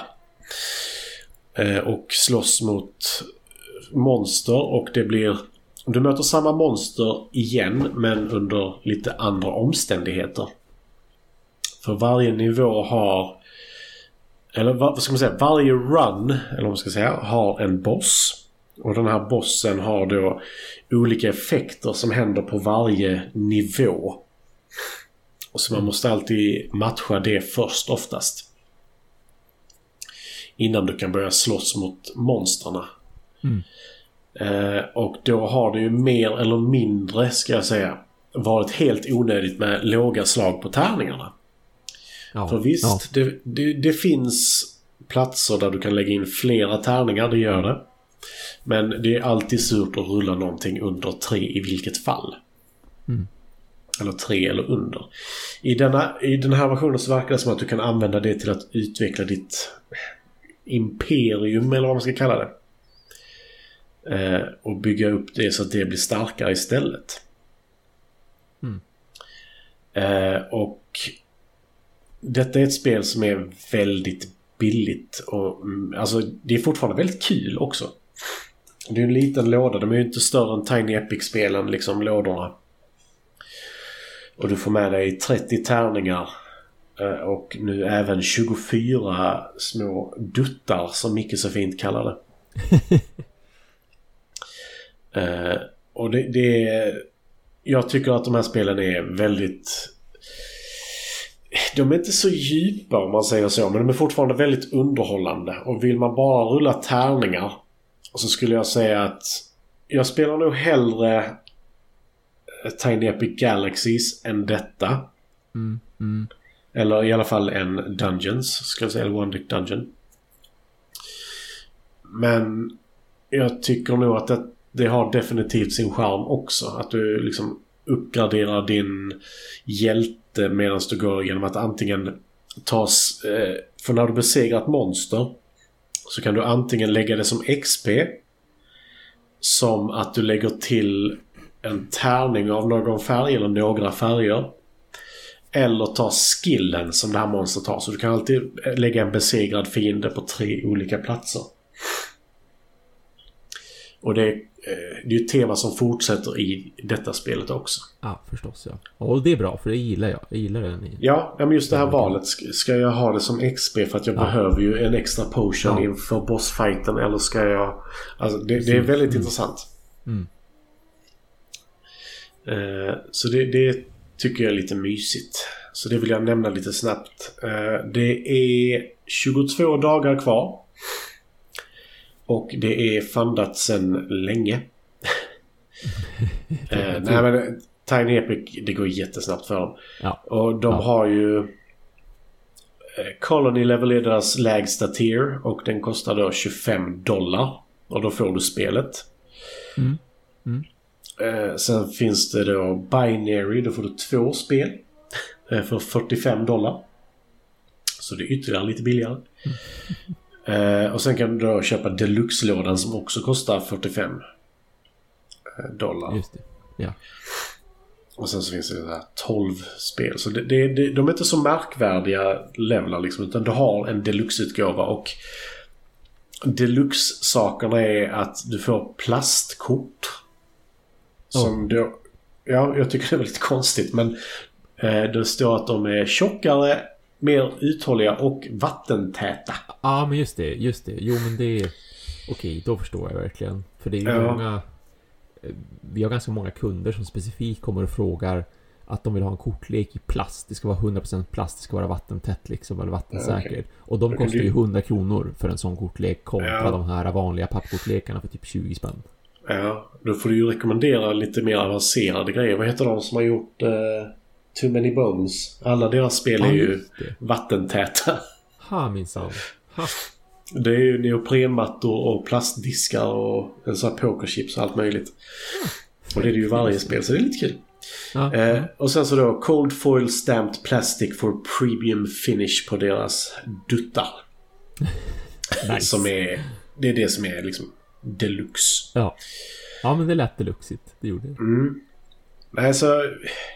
Om ni inte har spelat One Deck Dungeon och vill rulla lite tärningar så helt ärligt, jag tycker det är rätt mysigt. Mm. Eh, Fredde dog inte av utmattning eller uttråkad eller någonting. Han dog inte alls när vi Trots spelade. allt tärningsrullande. Ja, men... Och det är väldigt mycket tärningsrullande. Det går Ja, inte jo att... Oh, ja, Det går inte att komma ifrån. Mm.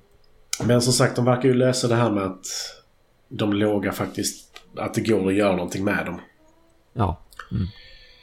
Eh, Så det var min första Kickstarter. Yes. Jag tänker nämna ett spel som heter Verdant. Mm. Som är från en till fem spelare. Och det är samma utgivare och utvecklare som har gjort Calico, som jag tror är mest känt. Det här jättesöta katts... kattspelet får jag väl kalla det för egentligen. Bara därför att Calico har på omslaget en väldigt söt orange katt som ligger som en kanelbulle. Du vet det här klassiska som katter tycker om att lägga sig i, tycker jag ändå. Eh, och de har även gjort ett spel som de är väldigt som de nu är aktuella med som heter Cascadia. Som liksom, de går, det går lite i samma ton lite sådär och så även Verdant. Den här gången är det ett kortspel som handlar om att man ska plantera krukväxter och placera dem i rum. Så man tar ett kort och en potentiellt tillhörande bricka från kortmarknaden som finns. Man placerar kortet i sin tablå som kallas för ens hem. Och tablån får bara bli 5 gånger 3 kort stor totalt sett. Och sen kontrollerar man när man har lagt ett kort och en eventuell bricka också då. Så kontrollerar man eventuella matchningar av ljusförhållanden mellan rum och krukväxter. Och så kan man då förstås även få poäng på att man helt enkelt skapar en fin tablå där de här rummen och de här krukväxterna kombinerar väl med varandra plus då de här brickorna man lägger ut som bland annat representerar både möbler och husdjur. mm. Ser väldigt fint ut rent illustrationsmässigt och det gör ju även skall sägas Calico och Cascadia. Och det verkar vara så här. Det är ett enkelt spel, alla skulle kunna lära sig det. Det är väldigt liksom nybörjare och familjevänligt skulle jag säga. Men ser ändå klurigt ut för att man ska kunna ha Alltså rätt kul med det. Jag tycker det ser väldigt fint ut. Och, och minimum, det är ett billigt spel också. Minimum för att, för att köpa det är 250 kronor och det är allt. Enda det finns ingen deluxeutgåva eller någonting sådant utan det enda man kan lägga mer det är om man vill köpa flera spel åt gången precis som då i det du nämnde nyss också att man kan köpa två åt gången eller man kan köpa tre stycken eller om man är en butik så kan man köpa liksom en egen så här tio åt gången. Men, Mm. men 250 kronor för, för att få spelet. Sen är det ju dock 120 kronor i frakt också. Ja, det Man glömde betalar jag ta ju ganska mycket där. Eh, Eh, och att dessutom då VAT, alltså VAT, tillkommer i efterhand via Pledge Managern. Så att när man väl har pledgat och allting och gått igenom och Kickstarten är färdig och sådär, då kommer man kunna se vad behöver jag betala extra för att få det här inskickat till mitt land där jag bor. Så det kommer ju bli ytterligare då en kostnad för det. Ja, för jag, jag vet vi pratat om detta de flesta gångerna vi pratar om det men ja. jag håll, håller med nu att det börjar bli larvigt. Alltså som sagt, köper jag ett spel för 25 dollar. Det är 218 spänn. Och sen frakt ja. på det på 14 till 18 dollar. Ja. Plus att när det väl kommer hit så kommer tullen hålla dig gisslan, skicka ett svartvitt brev och säga vi har ditt paket. Ja, och sen får jag betala en summa till dem också. Ja. Alltså det... Det börjar bli svårt att motivera att inte göra gruppköp. Ja. Om man precis, nu ska börja precis. köpa. Visst, visst. Och, och, det är väldigt tråkigt. Ja. Det är det. För just, för, det... just för de här mindre spelen i synnerhet. De, de ska det till väldigt mycket för att jag ska vilja backa. Då ska det vara som vi diskuterade, jag och Micke förra gången.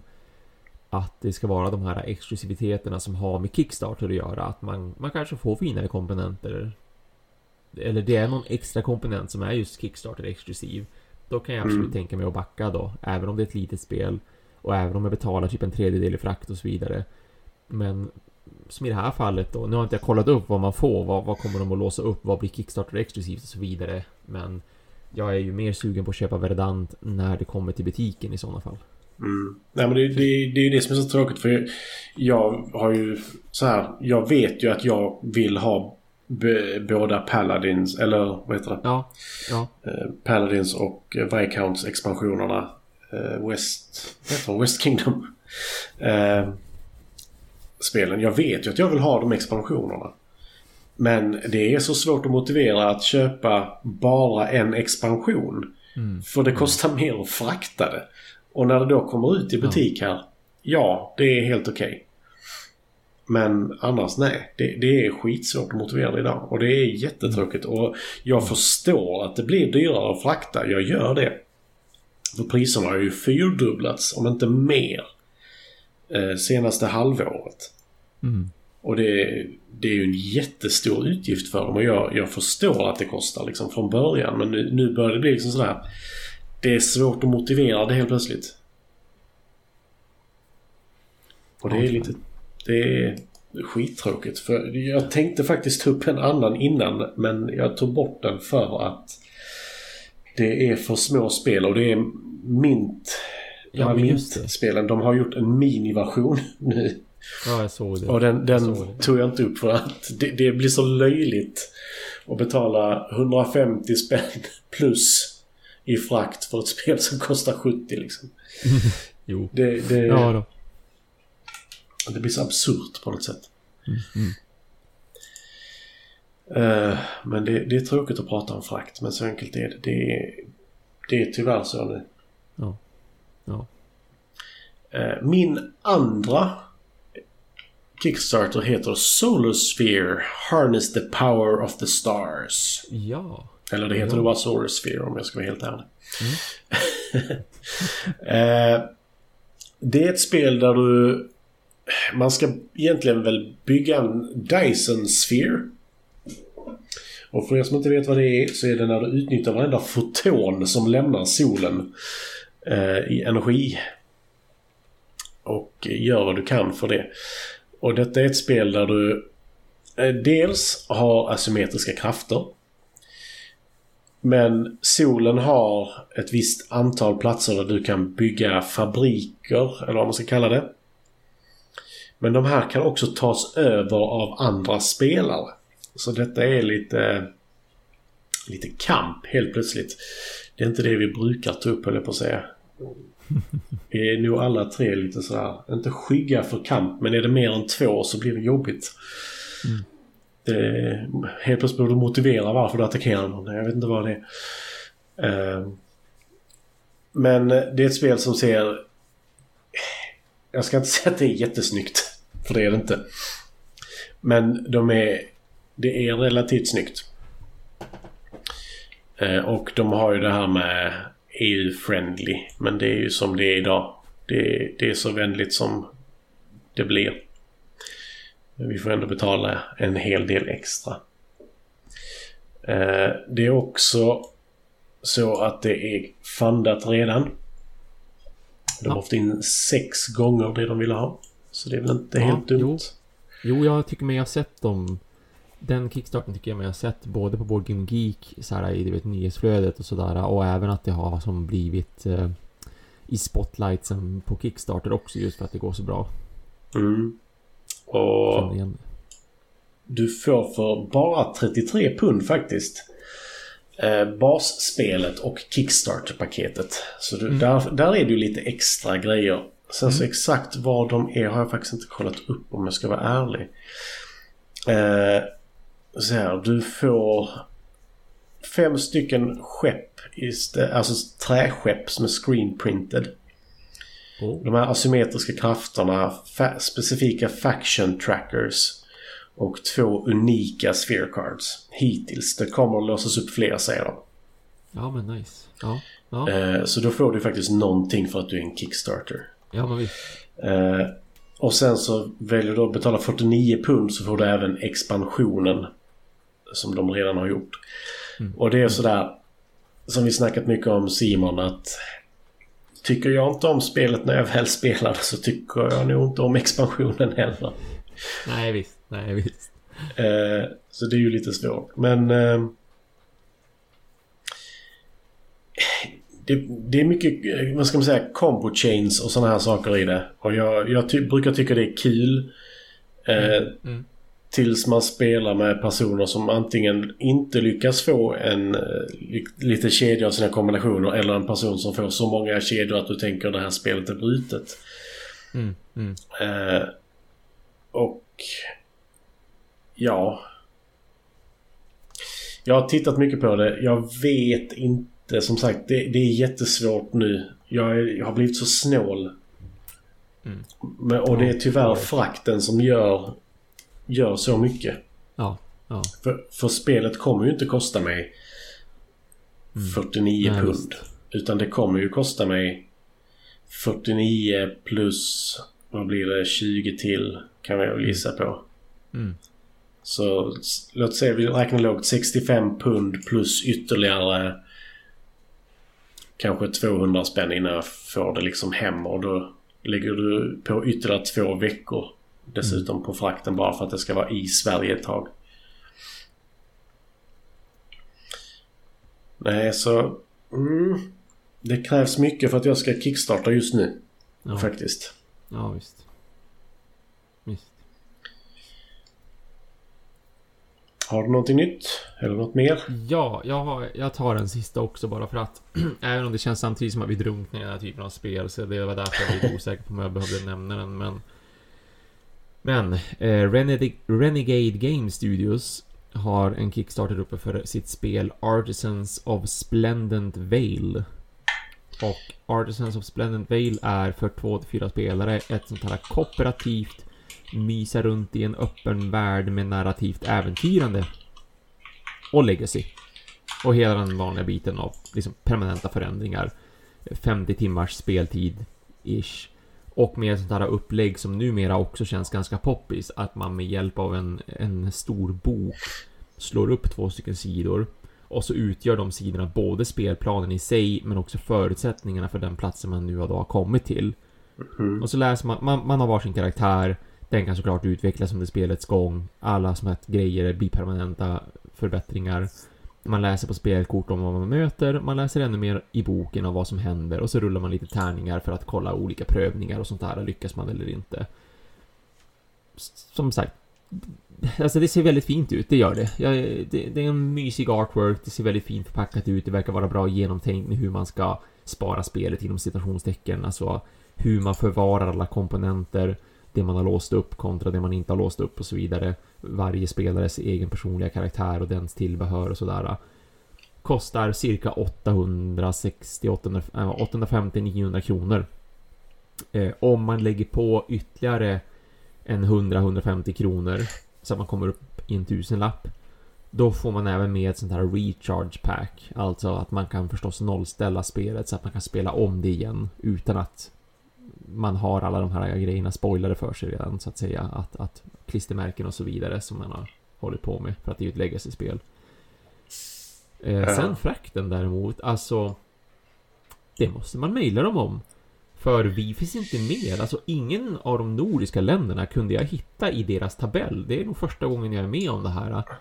Men mm. det fanns, det fanns Europaområde 1, 2 och 3. Sverige fanns inte med på någon av dem. Jag kunde heller inte se typ Norge och Danmark eller Finland på någon av dem. Så att Nej. gissningsvis mellan tummen och pekfingret, om man tittar då på just de här europis, europeiska länderna i övrigt. Någonstans mellan 200 och 300 kronor kommer frakten att kosta på.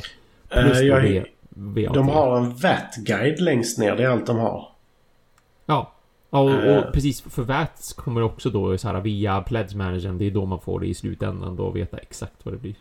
Mm, ja, för det, det, är den enda de har med Sverige med faktiskt. Och det är så lustigt. Varför? Mm. Hur, ja, de vet på ett cirka vad vi får betala i VAT, men de vet inte exakt vad man får betala i frakt, utan då ska man mejla dem istället. Ja, ja, det var skumt. Det har jag inte ja. sett innan heller faktiskt. Nej, eller hur? Vi men, brukar ju alltid vara med. Ja. Där har man förresten bara typ en vecka på sig tror jag, om det var sju eller åtta dagar som var kvar. Uh, nej, 16 dagar. Alltså, på okay. Artisans Oj, gud, då såg jag jättefel. Ja men då så, då är det inga problem. Om jag inte såg fel på Verdant, mitt förra spel, så var det typ 30 dagar eller någonting. Så att där är det lugnt. Ja, det, det ser jättemysigt ut. Detta, jag har lite svårt för denna teckningsstilen måste jag säga. Ja, jag tror inte det kommer att gå alla, alltså det kommer inte att, att kännas lika bra för alla. Den är så mysig på ett väldigt säreget sätt och ja. färggrann på ett väldigt säreget sätt också. Ja, nej men den, den är mysig, ja. Men det är någonting med den som... Eh, så att säga, ja. gnuggar mig på fel håll, höll jag på att säga. nej men det, det är någonting med det som... Jag vet inte. Det känns barnsligt. Inte på ett sätt ja, som att det är riktat absolut. till ja. barn utan att det är nästan ett barn som har ritat det men ett barn som är väldigt duktig. Ja, ja. Uh, lite så. Mm, mm. Och sen så tyckte jag deras mest intressanta nivå är plushie-nivån. Ja, eller hur? Jo, det, det ska nämnas att det fanns. För 29 dollar så kan du få en plushie. För 79 dollar får du alla tre plushies. Det var fina plushies, det var ju det. De ser faktiskt jättemysiga ut. Men eh, ja. Det, det, nej, det, det, är inte min stil känner jag. Och som, vi pratade ju lite om det innan idag när vi pratade om eh, Oath. Mm. Så sa jag ju det att jag är jättesugen på att spela Oath men jag tänker inte betala fullt pris för eh, ytterligare en, ett legacy-spel. Mm. Som man inte kommer att spela. Lite så. Nej. Nej, visst. Nej, jag är jätteglad att det är en av kollegorna som har köpt det så att jag får spela det på det viset. Väldigt ja. glad för. för jag, vill ja, jag, jag, vill jätte, jätte, jätte, jättegärna spela det. Ja. Men jag har svårt att motivera den, det, det priset för någonting jag tror kommer att spelas mm. tre till fyra gånger. Ja, ja. Jag vill däremot... Det finns ju ett spel som jag jättegärna... Det kommer jag nog köpa ändå tror jag. Eh, Kings Dilemma kommer jag nog köpa ändå. Ja, det förstår jag. Jo, men absolut. Det, och det tror jag... Alltså, Kings Dilemma känns även som att det är mycket mer snabbspelat och mycket mer straightforward med hur man gör saker. Och ja. är en väldigt saftig bit ändå, tycker jag, som det ser ut på gameplay jag har kollat och sådär. Men The mm. King's Dilemma är lite mer straightforward och lite mer simplistiskt. Och därför tror jag också att det kommer att bli mycket lättare att spela generellt sett också med folk. Ja, nej, jag, det är ett sånt spel som är på min wishlist mm. eller vad man ska säga. Mm. Som jag verkligen... Jag. För jag kan tänka mig att... Vad, vad kan det bli? Sju, åtta epoker kanske? Som mest ja. tror jag i Kings Dilemma. Ja. Och varje epok tar ju kanske två timmar. Så det är inte sådär wow det här kommer aldrig ta slut. Som Nej. Gloomhaven eller mm. sådär. Mm. Utan det finns fortfarande en chans att spela igenom det. Mm. Mm. Precis. Eh, min sista Kickstarter heter så mycket som Three Tail. Som också går under den här kooperativt äventyr för en till tre spelare. Mm. Mm. Uh, you travel from a, an ancient time to a dystopian future to save the world. Uh, och det verkar riktigt mysigt tycker jag. Här har också en sån här speciell stil i spelet. Men denna gillar jag mm. mer. Jag ska scrolla ner till How to Play. Så vi... Storyn är väl så här halvintressant men... Uh, the gameplay is a combination of variable player powers in the form of virtues, strategic tile placement and a little bit of dice rolling. As a team, the three players go through four phases prophecy phase, past, present, and future. Each one is explained in more detail further down.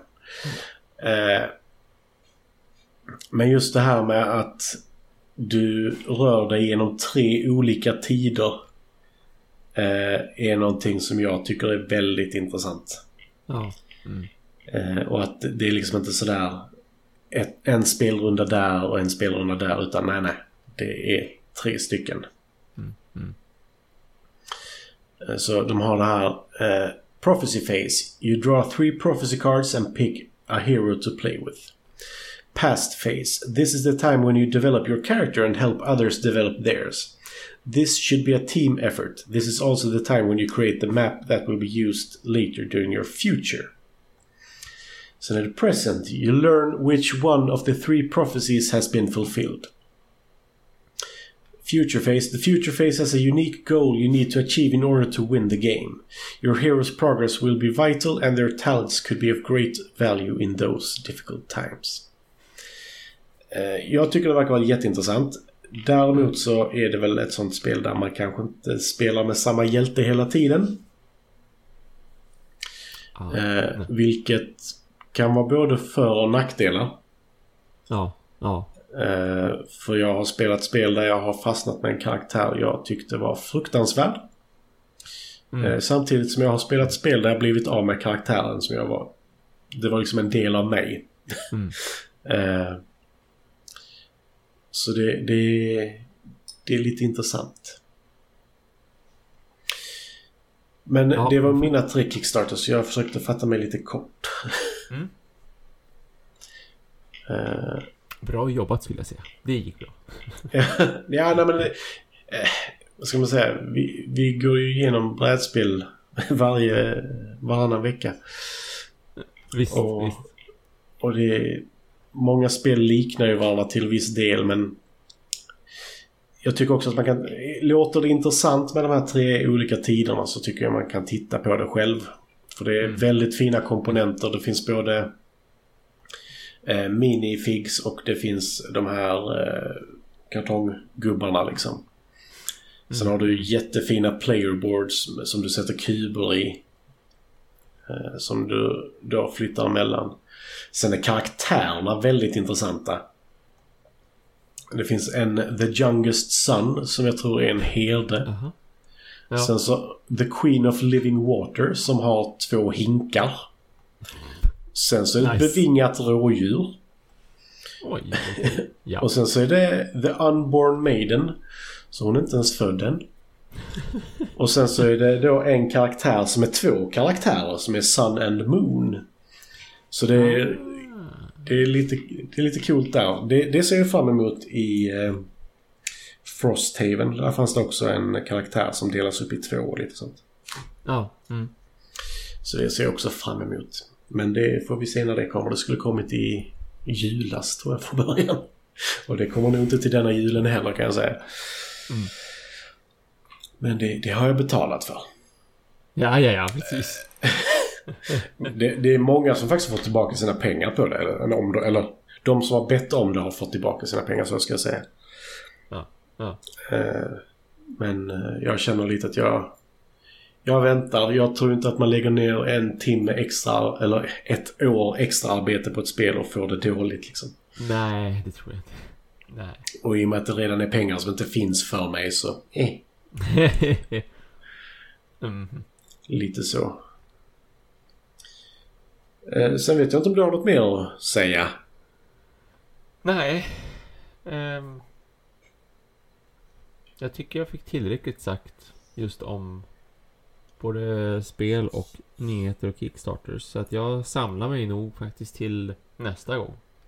Ja, det är också. Jag har blivit tömd på blod idag dessutom så jag är extra förvirrad idag. Det kanske är bra då att faktiskt få, få runda av nu till sist. Jag tror det faktiskt. Det har varit en speciell vecka. Ja, synd som sagt att vi inte kunde livestreama det här men, men har man frågor på sånt som vi ändå har pratat om nu så går det ju alltid både att mejla oss och twittra till oss och facebooka så att det, det är ju som inte svårt att nå oss ändå.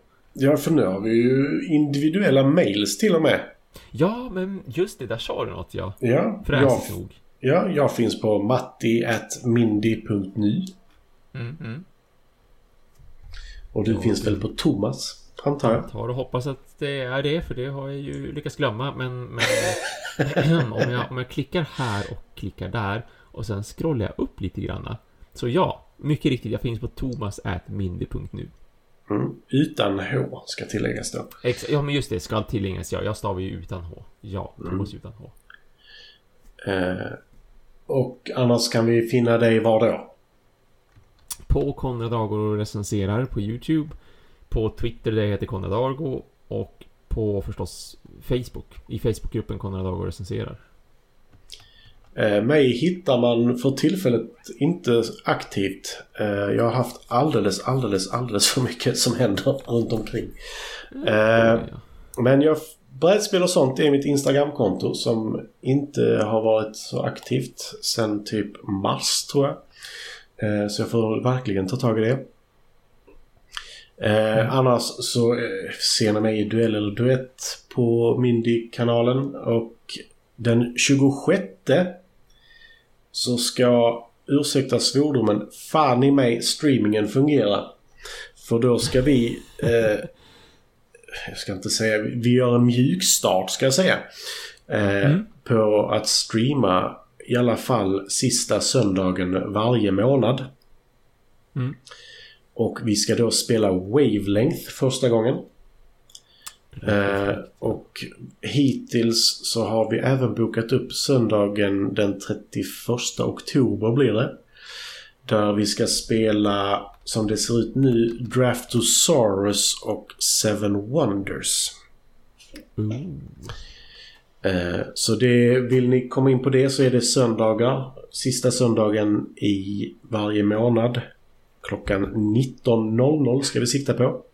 Mm. Och det kommer nog vara på stream, streaming eh, kontot som kommer dyka upp eh, i samband med det. Eh, som vi kommer göra lite reklam för. Så jag hoppas att vi ser er då. Det kommer ju inte till nästa söndag ju. Så vi har inte ens ett ja, news emellan. Just det. Mm. Eh, så jag hoppas vi ser er då. Den 26 september klockan 19.00.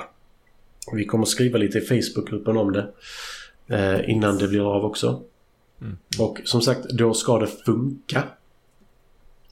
Eh, det hoppas vi verkligen att det gör, ja. Ja, för jag ska sitta mer med det då. Men jag, jag vet inte vad som hände idag. Det var jättefrustrerande. Ja, det var verkligen, verkligen ja, förbryllande. Ja, jag, jag är inte på gott humör om man säger så. Men eh, jag tackar för mig. Ja, och jag vill tacka för mig och jag vill tacka dig. jag tackar dig också. Du, du håller som sagt lite mig i trådar så att jag inte försvinner helt och hållet. Så lätt, det är så lätt när man sitter och pratar. Alltså, då menar jag inte bara i en podcast utan generellt sett känns det också som att... Ja, du såg ju du såg ju vilken nivå jag var på igår och det är inte jättemycket ja. bättre efter jag har mindre blod i mig kan jag säga. Ja. Eh, det var, vår gruppchatt var totalt kaos och det var jag som skapade. Men det är fint att du skapade någonting. Ja, exakt. Jag får ju se det så. Jag skapade något fint kaos. Men ur kaos ja. kommer ordning. Exakt, så exakt. den 26 kommer ni se mig i ridstövlar och ridbyxor. Nej, det kommer ni inte. Ni kommer inte ens se min underkropp. Om jag ska vara sån. Men tack så mycket för denna gången. Tackar så jag. hörs vi förhoppningsvis om två veckor och då håller Micke i det igen hoppas jag så att det blir ordentligt gjort. Precis, så, så blir det förhoppningsvis ordning och reda med allting. Precis. Tack så mycket. Tack och hej då.